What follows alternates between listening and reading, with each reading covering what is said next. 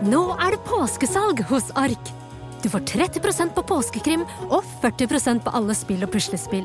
Jeg gjentar Ark har 30% på et stort utvalg krim og 40% på spill.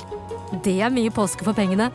Så hamstre påskekosen i nærmeste Ark-butikk eller på ark.no.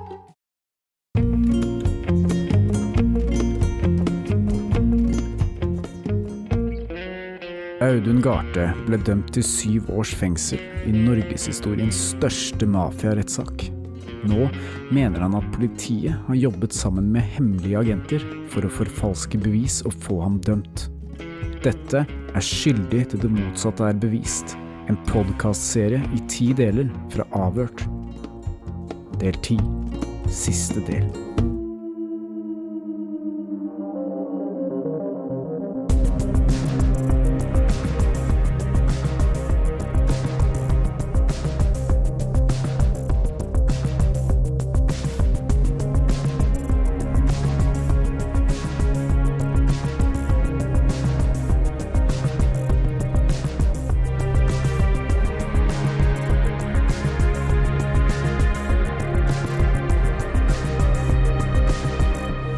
Audun Garthe, født 12.11.1981, dømmes for overtredelse av straffeloven paragraf 162 første og annet ledd, jf. femte ledd, jf. paragraf 49, jf. paragraf 60a, sammenholdt med straffeloven paragraf 61 og straffeloven 2005-82 til en straff av fengsel i syv år. Audun Garthe, Tore Karlsen og Alf Henrik Christensen ble dømt for å ha forsøkt å smugle 50 kilo hasj fra Nederland til Norge. Audun og Alf Henrik de fikk fengselsstraff, mens Tore Karlsen han ble dømt til samfunnstjeneste. Jeg blir fanga inn igjen av politiets informanter og ulovlig redigering av bevis. Audun har lenge ment at det at Karlsen fikk samfunnsstraff, var et bevis på at han hadde hatt et samarbeid med politiet. Sammen med en hel rekke andre beviser som han mente pekte mot det samme. Tore Karlsens forklaring stemmer ikke med de bevis som er framlagt i saken. Vi har sett på flere av disse bevisene, også flere som vi ikke har brukt tid på i denne podkasten, og vi har kommet fram til en litt annen teori. Men eh, jeg bare lurer på en ting. Hadde du et samarbeid med politiet før og under eh, Sult-saken? En mann vi har kalt Ronny, var den som først fikk Audun inn i saken. Men han trakk seg ut før det ble alvor. Vi mener at det er stor sannsynlighet for at denne mannen er den som har jobbet med politiet. Han har jo alltid vært eh, kriminell og solgt det han kan selge i Arendal. Så at han har gått klar så mange år, det er jo litt sprøtt. Gjennom kildesamtaler og lydopptak som vi har fått tak i, har vi etter hvert tegnet et bilde av en mann som har hatt et forhold til politiet gjennom flere år. Men vi har fortsatt ikke funnet klare bevis på at han jobbet med politiet da han først tok kontakt med Audun. Men, så politiet satte faen ikke noe pris på det samarbeidet ditt i det hele tatt? Jo, i begynnelsen så var de jo kjempefornøyd, ikke vel? Fordi at eh, Vi har gjort flere forsøk på å få politiet Agder i tale i arbeidet med disse episodene. Velkommen til Agder politidistrikt. Du finner også informasjon Men på politiet de har ikke ønsket å delta i denne podkasten. Vi er nå snart ved veis ende i denne serien. Men Audun Gartes historie og kamp for rettferdighet er langt fra over. Da vi sist snakket med Audun, var han på vei inn til soning. Og nå har han sittet inne i noen uker. Hvordan synes han det er å sitte inne og sone en dom som han selv mener er uriktig? Jo, altså Det er jo litt uh, surt å, å, å hver dag liksom å minnes på at uh, man sitter inne uten å ha gjort det man er tiltalt og domfelt for. Og mens familien da er syv timer unna. Eh, Det er stengt ned på besøk her. Eh, Jeg fikk avslag på permisjon og Ja. Det er liksom litt sånn det er, jo, det er jo litt bittert. Man prøver å gjøre det beste ut av situasjonen. eh, Gå på skole her og ja, prøve å opprettholde kontakt med familien og samboer per telefon. Men det er jo det, det, er jo ikke lett. Så jeg har jo veldig lyst til å holde på med min egen bedrift, som jeg gjorde for ett år siden. Mm. Så da, da har, studerer jeg litt entreprenørskap og finans, altså litt sånn regnskap og sånn. For å Ja. vite hvordan jeg kan betale moms og skatt. Så man, man prøver å gjøre noe konstruktivt ut av tiden. da. Ja. Man kan ikke bare legge seg på ryggen og så Ja, Det var jo der du var for eh, tre-fire år siden. Du hadde jo fått jobb og lagt det kriminelle livet bak, og så Ja. dukka den saken her opp. Nettopp. Så det er, det er mange år som på en måte har gått til hele den saken, egentlig. Og det at jeg havna her nå, Mm. det, det er jo seks år siden. Du har jo òg egentlig ikke hatt tid til å arbeide, for at du har drevet din egen etterforskning av din egen sak. Ja, og det har gått mellom 3000 og 4000 arbeidstimer til det nå. Nå har de blitt, nå har, alt har blitt litt vanskeligere nå, har jeg merka, med å komme meg på å sjekke e-mailer og sånne ting. Ok. Eh, Det var så, Jeg hadde jo um, et intervju med Solholmen, og der dukka det opp altså Solholmen er overgangsbolig da, når du har ett år igjen å sone og sånn. Det er jo noe positivt, da. Men de, det de var redd for, var at jeg skulle bruke tid på gjenopptakelse. Og da sa jeg um, uh, Jeg forholder meg til at jeg soner dommen nå. Men jeg godtar ikke dommen for den er uriktig.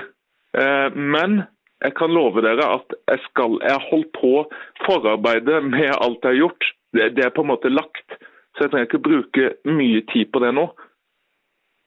Men uh, det var det de var urolige for, og det eventuelt hvorfor jeg også skal få avslag. ikke sant? Med å, Altså, de, de er redd for at du skal jobbe med å få din egen sak gjennomtatt, derfor får du ikke komme på overgangsbolig? eventuelt så er det issue med at det ikke, hvis det ikke kommer dit, hvis jeg får avslag. Audun har hele tiden ment at han blir motarbeidet av systemet, og det høres ut som han føler på det samme nå. Stein Morten og Helge har fulgt Audun helt siden Sult-saken var oppe i retten under innspillingen av Insider-TV-serien, og de har fulgt med på alle opp- og nedturer. Ja, Helge, denne historien om Audun Garthe og skyldig til det motsatte er bevist, vil jo ingen ende ta. Jo, jo, jo, jo. I dag tar det en, en ende. Nå er episode ti av denne saken, og jeg tror vi skal starte litt med en oppsummering av hele saken. Ja, for det er jo en veldig kompleks sak. Det var mange tiltalte, og det var mye som skjedde, og det har vært mange involvert her, og vi har jo forfulgt uh, veldig mange spor. Det er ikke til å stikke under stolen at da Audun uh, først kom inn her med denne historien og bevisene sine, så var vi jo ganske skeptiske. Ja, han gikk veldig på noen sånne tekniske ting. Det var GPS-er som var blitt manipulert, det var KK-materiale som hadde blitt manipulert, det var beviser som var utelatt fra saken, som han hadde Han hadde hyra inn sin egen sakkyndige, denne Møllerhaug, til å, å eh, hjelpe han med å få dette litt tydeligere frem, da. Men eh, han fikk jo òg drahjelp av Sigurd Klumset, som eh, støtta han eh, i det her. Ja, det var i hvert fall såpass overbevisende fra Klomsæt sin side at vi bestemte oss for å gjøre den kjempejobben det var å se nærmere på alle disse bevisene og alle påstandene, og ettergå det så, eh, ja, så godt det lar seg gjøre. Så du ble litt overbevist? Ja, jeg ble ikke overbevist, men, eh, men vi har jo vært skeptiske hele veien. Det er ikke noe tvil om at uh, dette har jo vært en utfordring fordi vi, eh, vi har jo jobbet med tett med Audun Garthe, som har eh, vært på oss hele tiden. Og eh, vi har vært nødt til å stagge ham og si til han at vent litt. Mm. Det er ikke alt vi kjøper her. Vi er nødt til å undersøke det du påstår. Han har ikke vært like glad for det hele veien. Jeg har jo en sånn messenger-tråd med Audun som hver dag så kom det nye meldinger inn, nye bilder, lange, lange tekster, utdrag fra rapporter, eh, ting som han hadde skrevet sjøl òg. så vi har valgt oss ut noe, noe som vi gikk etter. Ja, vi valgte ut det vi mente var mest eh, relevant. Og eh, det er klart at når man begynner å se på det og høre på alt og få tilgang til Vi fikk jo tilgang til mer og mer informasjon. Mm. Så er det jo noe som skurrer i denne saken her. Det er jo mye som er rart. Denne bobilturen med denne GPS-en som ikke registrerer noen ting på vei ned. Mm.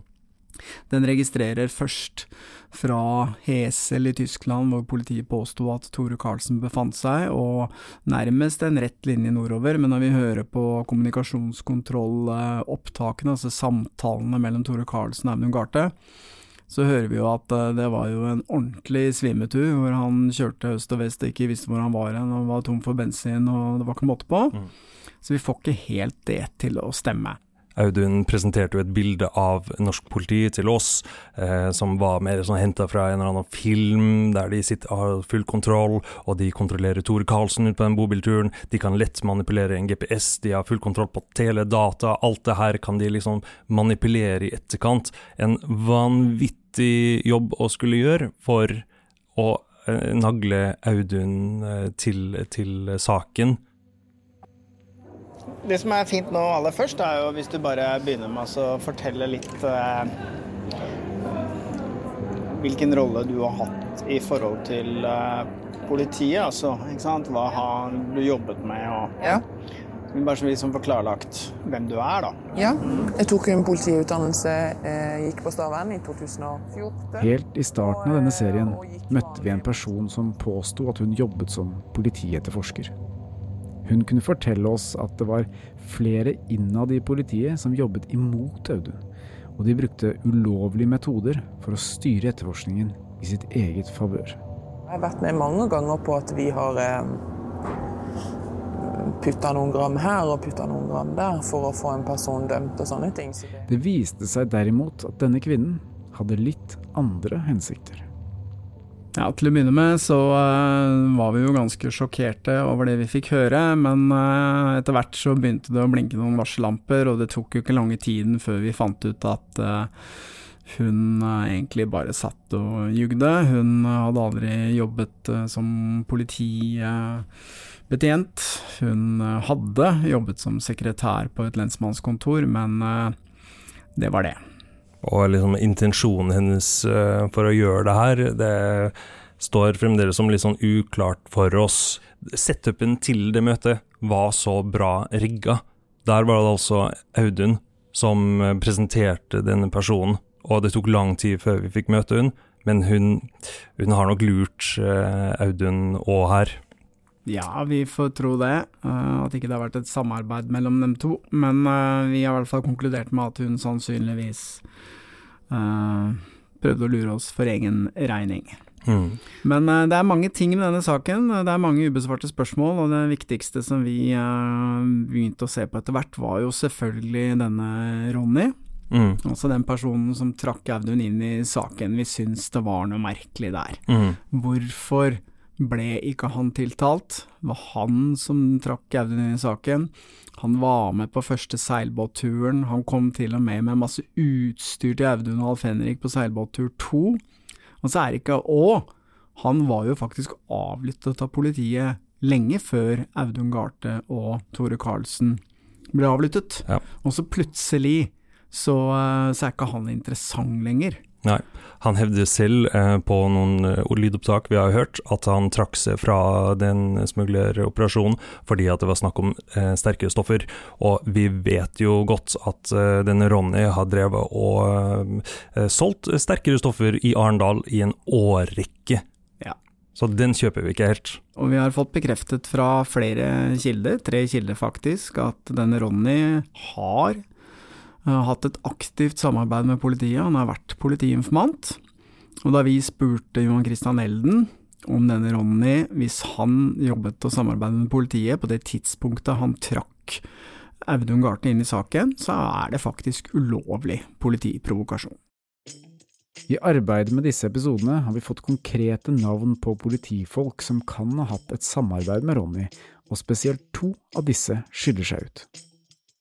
Vi ønsket å få til et intervju med disse og sendte inn en forespørsel til politiet i Agder, men denne, som alle de tidligere forespørslene våre, ble avvist. En annen som har blitt beskyldt for å være politiinformant eh, på det tidspunktet, eh, er jo Tore Karlsen. Ja, han ble jo lenge beskyldt for det, Tore. Og han fikk jo til og med en del trusler av det, men vi har jo konkludert med at, eh, etter hvert fall ha hørt de KK-opptakene, at vi har ikke noe særlig troa på at han har vært det. Etterforskningen vår tok en overraskende vending da vi plutselig fikk vite at Tore Karlsen hadde levert inn en helt ny forklaring. Tore mener nå at han ble manipulert av sin daværende advokat Cecilie Nakstad til å forklare seg galt i retten. Ifølge Tore skal Nakstad ha styrt forklaringen hans slik at den passet best mulig sammen med politiets bevis i saken, men han mener nå at dette slettes ikke stemmer, og at han ikke kan ha vært på de stedene politiet mener han har vært.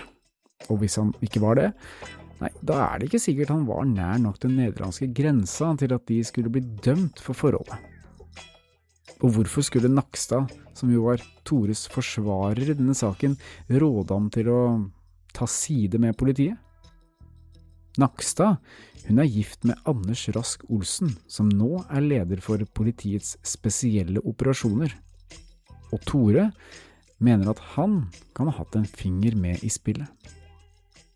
Tore kommer jo med en del eh, beskyldninger mot Cecilie Nakstad. Han mener jo at hun har oppført seg litt, opptrådt litt uredelig mot han, at hun ikke har opplyst han om at mannen hennes jobbet i politiet og han insinuerer egentlig at mannen hennes var en del av etterforskningen mot ham, og han har sendt da en klager til eh, disiplinærnemnda for advokater. Nå har han uh, sendt tilbake til meg svaret som Cecilie Nakstad har uh, sendt til disiplinærnemnda. Det er et veldig langt svar som tar for seg hele saken, men vi skal lese opp det som er mest relevant for det, de beskyldningene, da. Da skriver hun Min ektefelle har aldri noen som helst befatning med Sult-saken. Da saken ble etterforsket og iretteført i tingretten, arbeidet han i et helt annet politidistrikt enn Oslo. Han begynte i sin nåværende stilling som seksjonsleder for spesielle operasjoner 1.1.2018. SO har for øvrig aldri ledet etterforskningen av Sult-saken. Det var det en annen avdeling i politiet som gjorde, organisert kriminalitet. Det ble foretatt noen etterforskningsskritt i Sult-saken før og muligens under ankeforhandlingen i 2019, men da altså ikke av SO, men av organisert kriminalitet. Det er ingen habilitetskonflikt. Nei. Det hun eh, sier er at eh, han ikke jobba i Oslo på det tidspunktet, men vi vet jo òg at det har vært veldig mange politidistrikt inne i bildet her i denne saken. Du har eh, Oslo, Agder, som befatter både Kristiansand, Grimstad og Arendal i denne saken her. Og så har du det danske politiet. Så at ektemannens politidistrikt ikke var involvert i saken, det vet vi jo ikke. For at det her er jo veldig mye som holdes skjult da de er dømt etter 60A. Ja. Og jeg tenker at uh, det får jo bli opp til uh, disiplinærnemnda å avgjøre om uh, Cecilie Nakstad var inhabil eller ikke, men jeg tenker jo at når hun har en mann som har en så sentral jobb i å etterforske og spane på organiserte kriminelle, så hadde det kanskje vært redelig av henne å opplyse Tore Karlsen om det da hun ble hans advokat, for Tore Karlsen er veldig klar på at hvis han hadde visst det, så ville han aldri ha brukt henne som forsvarer. Mm. Mens Cecilie Nakstad var Tore Karlsen forsvarer, var det Ellen Holager Andenes som representerte Audun. En annen viktig støttespiller for Audun i denne saken har vært Sigurd Klomsæt. Og Audun ønsket opprinnelig å ha Klomsæt som sin forsvarer, men da skal Cecilie Nakstad ha ringt Audun og overtalt ham til å bruke Andenes i stedet. Bakgrunnen for dette kjenner vi ikke til. Men det er jo litt spesielt at en advokat som på dette tidspunktet forsvarer en annen person, skal blande seg inn på denne måten. Nei, hun ville forsvare Tore, og så ville hun at eh, jeg skulle ha en annen forsvarer. Og da ga hun meg uh, Ellen Holage Andenes. Mm -hmm. Så jeg hadde, tok Ellen Holage Andenes, men når Oslo tingrett var ferdig. Jeg reagerte veldig, for jeg ville vite mye om dette teledataen, for det var det som gikk på teledata hele tida. Og så ville hun ikke liksom Var ikke så veldig interessert at jeg skulle rote borti det og liksom sånne ting. Eh, det var uh, Anne som ikke ville at du skulle rote i det der? Ja. Din egen advokat? så- ok? Ja, og da begynte For at vi hadde en forklaring som var bra, sa hun. Så sa jeg ja, men det er noe som ikke stemmer. Hvordan kan jeg bli dømt når det er fire-fem andre som hevder det motsatte enn hva Oslo tingrett har kommet fram til? Og hvorfor vil du ikke at jeg skal fremlegge opplysninger, bl.a. At, at det var en togbillett fra Amsterdam til København? Som jeg fant, hvorfor, Hun ville ikke at jeg skulle eh, bringe den frem i saken. Så sa jeg dette er jævlig underlig. For alle opplysningene her skal frem. Men hun sa nei, nei, nei, det vil bare påvirke deg negativt. Hvis dette stemmer, hva er motivasjonen til disse forsvarerne for å komme med disse rådene og oppfordringene til sine klienter? Er det hele for sakens beste, for at deres klienter skal ha det beste forsvaret og oppnå best mulig resultat, eller ligger det et annet skittent spill bak? Hallo, ja. For å forstå mer av dette tar vi en telefon til Kurt A. Lier. Kurt er Stein Mortens bror, og har tidligere vært politiinspektør ved Oslo politidistrikt, Han har også vært president i Juristforbundet. Ja, nå understreker jeg at jeg ikke kjenner denne konkrete saken i detalj, så jeg kan kun uttale meg på generelt grunnlag. Eh, når det er sagt, så, så er det fra tid til annen sånn at, eh, at eh, politifolk og advokater er i forhold til hverandre. Det kan være ekteskap, det kan være kjærester, det kan være familieforhold. Og det er, eh, behøver ikke nødvendigvis være inhabilitet, selv om det er et sånt forhold. Det kan være mange grunner til at man klarer å holde tilstrekkelig avstand. Men det kan likevel være ganske uheldig, fordi hvis man ikke opplyser om dette til, eh, til klienten sin, eller da til, eh, til eh, en person som er f.eks. siktet i en sak, avhengig om det er politiet eller advokaten som gjør det, så kan det være egnet til å skape tvil om at prosessen har skjedd på en ordentlig måte. Så, og Vi er helt avhengig av tillit i, rettspleien. Eh, politiet er avhengig av tillit til den jobben de gjør, og advokatene er avhengig av tillit fra klientene sine. Så det vil være veldig uheldig hvis den type forbindelser er der, og hvis man ikke opplyser om det. Ja, for at I den konkrete saken her så blir det jo benikta fra forsvarsadvokaten at denne politiektemannen skal ha hatt noen ting med saken å gjøre, men det er likevel den følelsen hennes klient sitter med, at det her burde hun ha opplyst om. Så hadde han i hvert fall uh, hatt muligheten selv da, til å, å uh, ta et standpunkt til det. Hmm. Ja, som sagt, Jeg kjenner ikke, kjenner ikke det konkrete tilfellet. Og, og, det vil jo være slik at altså, Oslo politidistrikt for eksempel, består av flere tusen ansatte. Uh, det vil jo ikke være en, en, en hvilken som helst politimann helt, altså, som jobber noe helt annet. Uh, vil man kanskje ikke ha noe grunn til å, å måtte opplyse om. Men hvis den politimannen uh, jobber på noen måte slik at man skulle kunne tenke seg at han hadde hatt noe med saken å gjøre, så mener jeg det ville være at det er svært uklokt i alle fall ikke å opplyse om det. Det er jo litt sånn spesiell case det her, for at vi har flere politidistrikt som har vært involvert. Så at øh, det er vanskelig å bare avfeie at han øh, kan ha hatt noe med det å gjøre. I det hele tatt. Ja. Vi vet ikke, for bevisene i saken er jo underlagt mafiaparagrafen, så det er jo veldig mye skjult etterforskning som vi ikke har fått tilgang på. Ja. Så. så. det er klart, Hvis han, hvis han jobber med utelukkende med trafikksaker f.eks., så vil det tvilsomt at det er noe grunnlag for å opplyse om det. Men har han en type jobb som gjør at han i hvert fall i teorien ville kunne vært tilknyttet saken, så bør man opplyse om det. Og da selvfølgelig understreke at, overfor klienten at hvorfor man mener at det ikke er et problem. At klienten velger selv og Det mener jeg man er, i alle fall er moralsk forpliktet til, og man kan fort være sånn advokatetisk forpliktet til det også. Ja.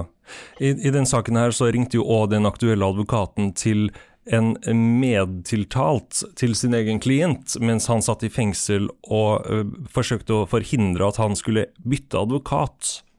Mm. Er det vanlig Ja. Praksis? Ja, det, det, det, er jo ikke sånn man skal gjøre. Og igjen, jeg, Dette må jeg si på generelt grunnlag, jeg kjenner jo ikke til den saken i detalj, men det skal man ikke gjøre. og Det kan fort være advokatetisk problematisk, men akkurat det der tror jeg dessverre er ganske vanlig. altså Det å stjele klienter fra hverandre, det hører vi stadig vekk om.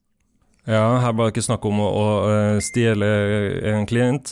Eh, Det var vel eh, snakk om at eh, hun ikke ville at han skulle en, ta bort sin advokat som han var misfornøyd med. Nei, ja, men Det er litt samme greia, det er bare den andre siden av det. da. Så, så, så jeg vil si at det, det er uh, uheldig. Det er, uh, vil fort være advokatetisk uh, problematisk og ikke, ikke, greit. Men jeg er dessverre redd at det skjer fra tid til annen.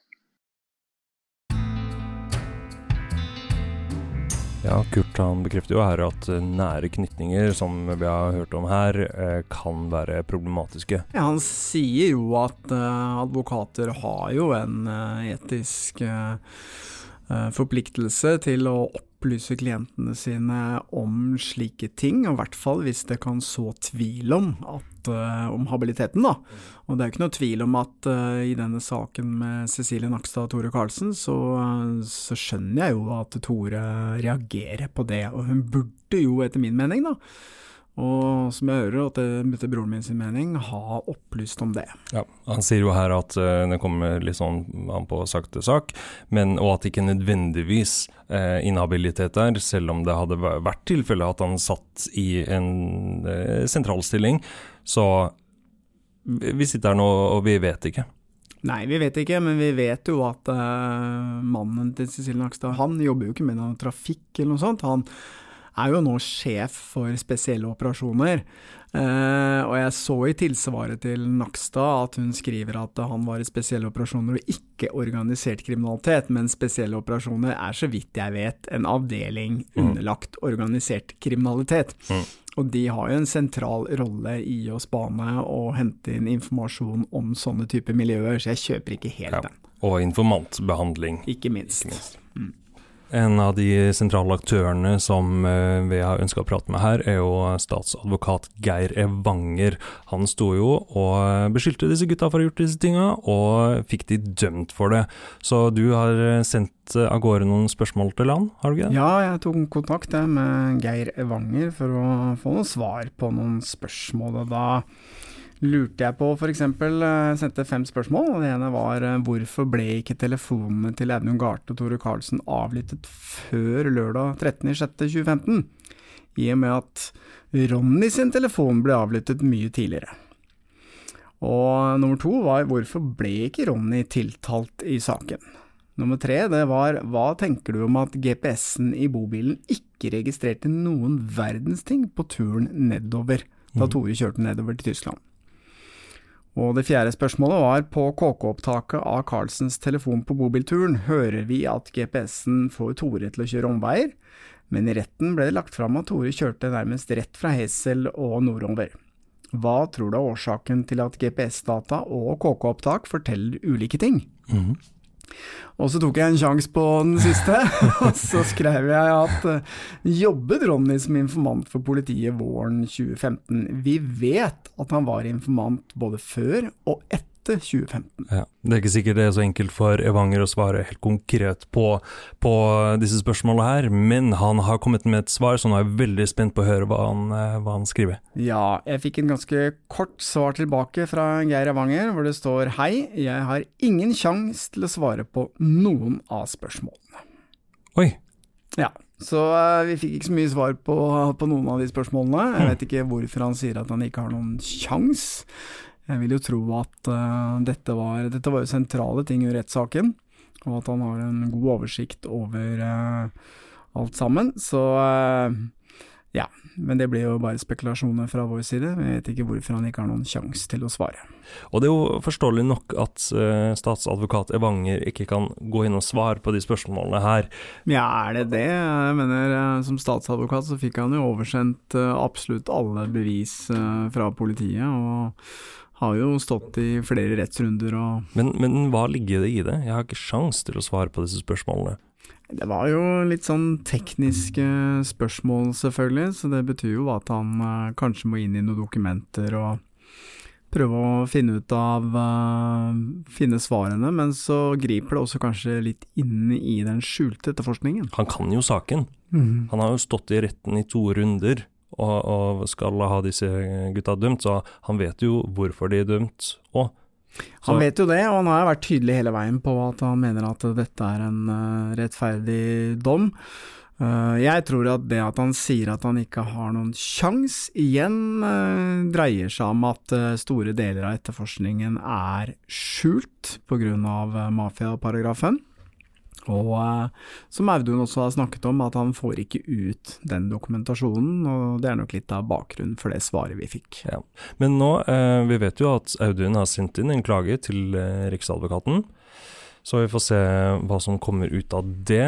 Vi er jo ikke i tvil om at her burde noen se nærmere på dette mylderet av beviser som har kommet frem etter rettssaken. Det har vært en lang eh, reise for oss også, med ti episoder og masse dokumentasjon, masse lydbåndopptak, masse vitneutsagn, ganske komplekse greier. Og eh, etter å ha kommet litt i veis ende, så kan vi jo ikke sitte her og konkludere med at, at Audun er uh, uskyldig dømt. Nei. Men det vi kan konkludere vi kan, vi kan, med Vi kan heller ikke konkludere med at han er skyldig. Vi kan ikke det heller, men Nei. det vi kan konkludere med er at det er såpass mange ting i denne saken som uh, jeg mener at noen absolutt burde se litt nærmere på.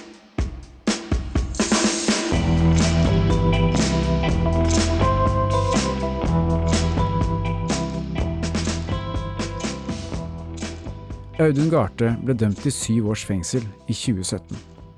Arbeidet med Insider-dokumentaren startet samme år, og vi gjorde vårt første intervju med Audun i forbindelse med denne podkastserien i starten av 2020.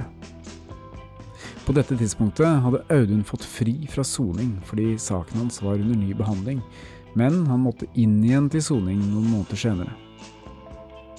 Vi skriver nå juli 2022, og under avhørt har vi nå jobbet med denne saken i over to år. Audun har fortsatt ikke sonet ferdig straffen sin, men han er ikke lenger innelåst i et fengsel. I hvert fall ikke på den tradisjonelle måten. Hei sann! Hallo, Audun. Hei, Audun. Hei, Helge. Hei. Hei, Stein Morten. Hei. Åssen eh, går det, Audun? Nei, akkurat nå så holder jeg på forberede og ta imot litt gjester der. På Gjester. fengselshotellet. Ja, Det må du jo si litt om, fordi du er jo tilbake i fengsel, er du ikke det? Jeg er tilbake til fengselet der jeg starta å sone i 2017. Du hadde hjemlengsel, eller?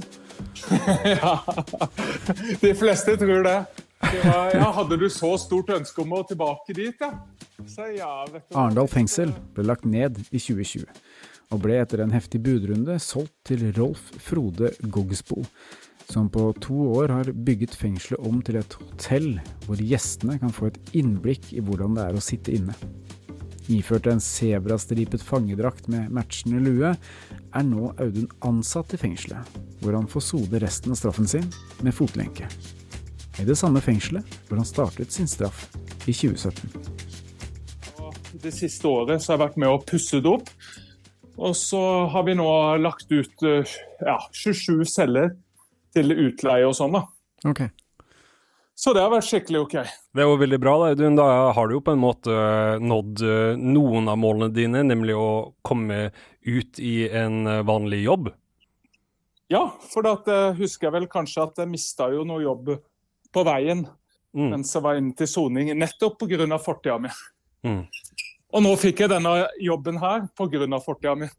Ja, for nå, nå har du på mange måter vært med å skape din egen arbeidsplass, da. Ja, man må gjøre det er viktig. Man må gjøre en god egeninnsats. Mm. Eller så har man ikke, hvis man bare sitter der og håper at alt havner i fanget ditt. Det, skjer veldig sjeldent. Så jeg har jo gjort en del for dette. Så, så nå holder jeg, jeg tar imot gjester, eh, holder på med guida tur. Forteller om det fengselet her. da. Det er jo fra 1862, så det er mye spennende historier og sånn da, rømninger som har skjedd. Og, ja, nei, Det er gøy, og, og folk syns jo det er så artig, for jeg er jo på siste del av soninga mi. Jeg er jo ferdig i oktober. Så da gjør jeg det beste ut av det, og folk bare Hvordan kan du drive et hotell mens du har fotlenke? Så sier jeg, vet du hva, det er ingenting som stopper deg selv om man har et par ting eh, Et par sperringer som ligger i veien for deg. Du må bare være kreativ, ønske det nok. Så kan egentlig alt eh, skje. Men hva er greia med den eh, fotlenka? Kan du bevege deg bare mellom visse steder, eller? Nei, det er sånn Egentlig så er det ganske greit. Hvis du tenker på ditt eget hjem da, som et fengsel, Mm. så har du på en måte arbeidet ditt. Du må ha arbeid for å ha fotlenke. Så da er du på en måte på jobb fra åtte til f.eks. fire eller seks. Eller noe sånt. Og, så, og da har du tider å forholde deg til. Du har en basestasjon som står hjemme med en sånn telefon. Som da, hvis ikke du er hjemme til f.eks. klokka fire da, eller klokka fem, okay. så går det en alarm. Og hvis du gjør det, hvis det er et mønster i dette, at du har gjort det tre-fire ganger bare sånn nesten samme uka, eller liksom De ser at ikke du gidder, da. Så er det rett tilbake til vanlig fengsel. Ja, ok. Men det er jo en Så- fin, fin måte å sone på det, da, Da får du jo nesten fungere normalt. Du får ikke gått så mye på byen og festa på kino og sånn, men du får i hvert fall vært hjemme og gått på jobb, da. Vet du hva, Det er det viktigste. Jeg kan være hjemme hos Martha og i min egen leilighet. Jeg har en jobb, og, og så kan det andre komme. Og så på en måte, ut fra det at jeg sitter skyldig fengsla nå, så er det det beste jeg kunne oppnådd. Slik det ser ut for Audun nå, blir han mest sannsynlig nødt til å sone ferdig straffen sin før det skjer noe nytt med etterforskningen av saken. Men Audun, han er positiv. Ja, jeg snakka med gjenåpningskommisjonen. Eh, De, jeg snakka med dem for eh, ja, tre uker siden. Og da sa de at de har satt i gang en egen etterforsker og en eh, jurist. Som da, eh, en ekstra jurist som da ser over saken nå. Og dette skjer i jeg tipper i 95% av tilfellene, så sjekker dette. Nei, hva, hva var din sak som gjorde at de var interessert i å ta tak i det, da? Nei, altså de ville ikke helt utdype seg. Eh, Men når de går til det steget at de utfører faktisk et etterforskningsskritt, altså eh, de går inn i dokumentene, leier inn en privat etterforsker da, eh, og en ekstrajurist i tillegg til han som var på saken, så vil det jo si at de har fått øynene opp for noe interessant i saken som kanskje ikke skal være der. Men du har jo, men du har jo snart sona ferdig denne straffen, Audun, så hva er det Ja. du håper på å oppnå egentlig med en gjenopptakelse? Du, eh, du har jo sittet i fengsel, de får jo ikke gjort noe med det. Nei, det får du ikke gjort noe med. Og jeg har sittet Altså Det jeg egentlig vil oppnå med dette, det er å få en rettferdighet uh, ovenfor det når jeg sier en ting. Uh, og når jeg har sagt at jeg har ikke gjort denne forbrytelsen, så har ikke jeg gjort den forbrytelsen. Og det er veldig mange som eh, de som sto nær meg og sånne ting. Har veldig mange skuffelser når dette her skjedde. Og når jeg da skal hjelpe en person, så ender jeg med å få fire års ekstra fengsel. Fengselsår. Men som, som du sa selv, så har du ikke gjort det her. Og det, det er jo heller ikke noe kriminell handling som eh, har blitt utført, som du er dømt for. Du er dømt for å ha skulle ha forsøkt å begå en straffbar handling, og som vi har hørt i de episodene som vi har laga, så var vi jo veldig interessert i denne karakteren som vi kalte Ronny, som var den personen som fikk det inn i denne saken i utgangspunktet. Ja. Hvordan ja. Har du noe relasjon med han i dag, eller? Nei, jeg har møtt på han ved et par anledninger. Uh, han er ikke så veldig interessert i å møte på meg igjen, etter han skjønte at jeg hadde avslørt han. Ok, så når du Eh. treffer på han, så er han ikke så interessert i å snakke? Nei. Da var det plutselig eh, Så jeg konfronterte han med at jeg sa jeg nå har innhenta en dom der det står at du får, at du får hjelp av politiet i, i dommen din. Eh, jeg har et lydopptak som sier det samme.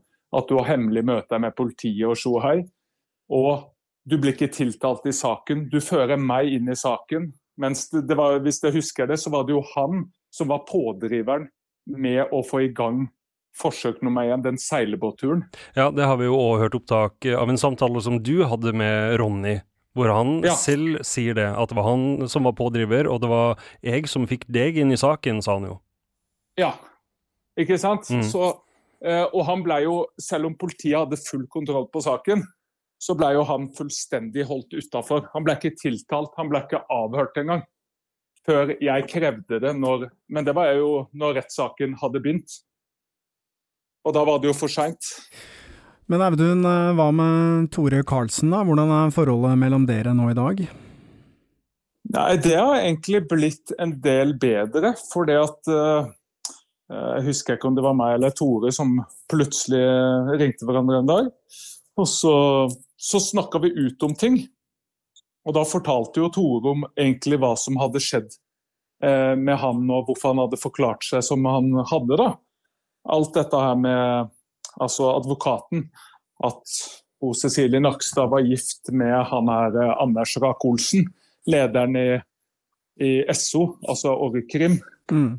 Eh, og at hun da hadde påvirka hva han skulle si i retten og ikke skulle si, og en del bevis Eh, hvor, da, hvor, hun da sa du må følge der GPS-en har sagt at du har vært, eller så blir du utroverdig.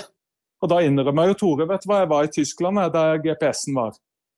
Men så, så, Sånn sett så har Tore da trukket tilbake en del, og jeg har skjønt han på en måte. Og i dag så er jo Tore i full jobb og sånn.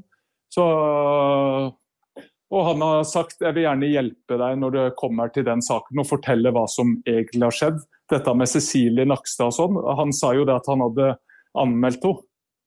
Og har kjørt en sak mot henne i Oslo politidistrikt, som er pågående den dag i dag. Så nå er det ikke noe, du har ikke noe mistanke til Tore lenger om at han har vært en uh, politiinformant?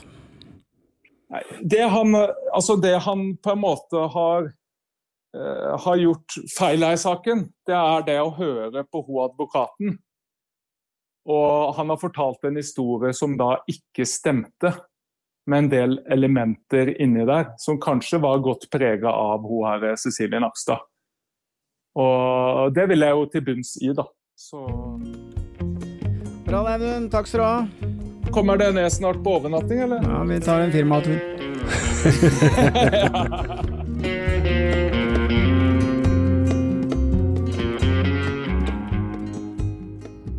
Ja, Stein Morten, nå er vi ved veis ende i denne historien, som vi har kalt 'Skyldig til det motsatte er bevisst'. Etter to år, faktisk. Og egentlig så startet vi jo den jobben enda tidligere med Insider-programmet om denne saken, men det er klart at uh, det blir jo veldig spennende å se om saken blir gjenopptatt, og hva som eventuelt blir utfallet av det.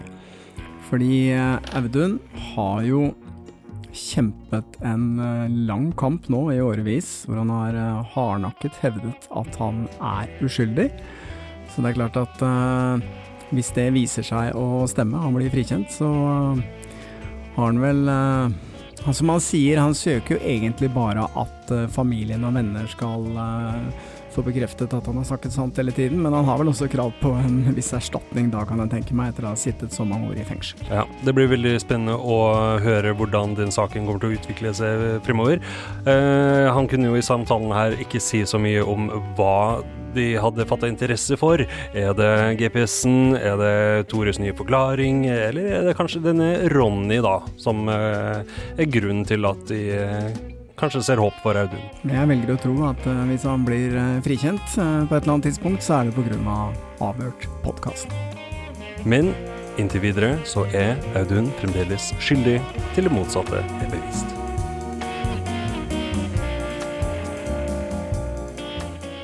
Skyldig til det motsatte er bevist har vært en avhørt-produksjon av Batong Media. Vår redaksjon består av Stein Morten Lier, Helge Molvær og Lars Christian Nygårdstrand.